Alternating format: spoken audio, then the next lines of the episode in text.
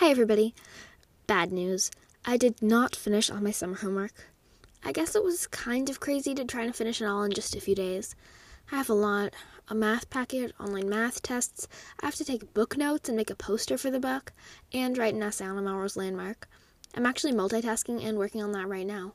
We have to choose the landmark off of a list, which is annoying because I was going to do the Stones Tower, since I already know a little bit about it, but it's not on the list.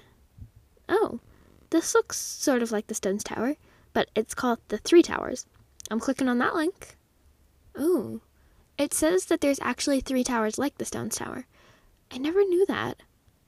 Oh, that's because they're all spread 10 miles apart. Pondfields is only four square miles. I might need to check this out. It looks pretty cool. Wait, if there's three of them and there's three towers on the king we found, then the card might be a clue after all.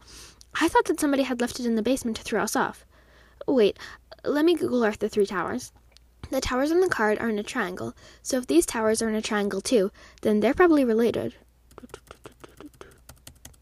What do you know? They are in a triangle, each in a different town. Now I know. I definitely have to check this out. Seems like the perfect thing to do with Liv. It's not going to be super fun biking 30 miles, but it'll be okay.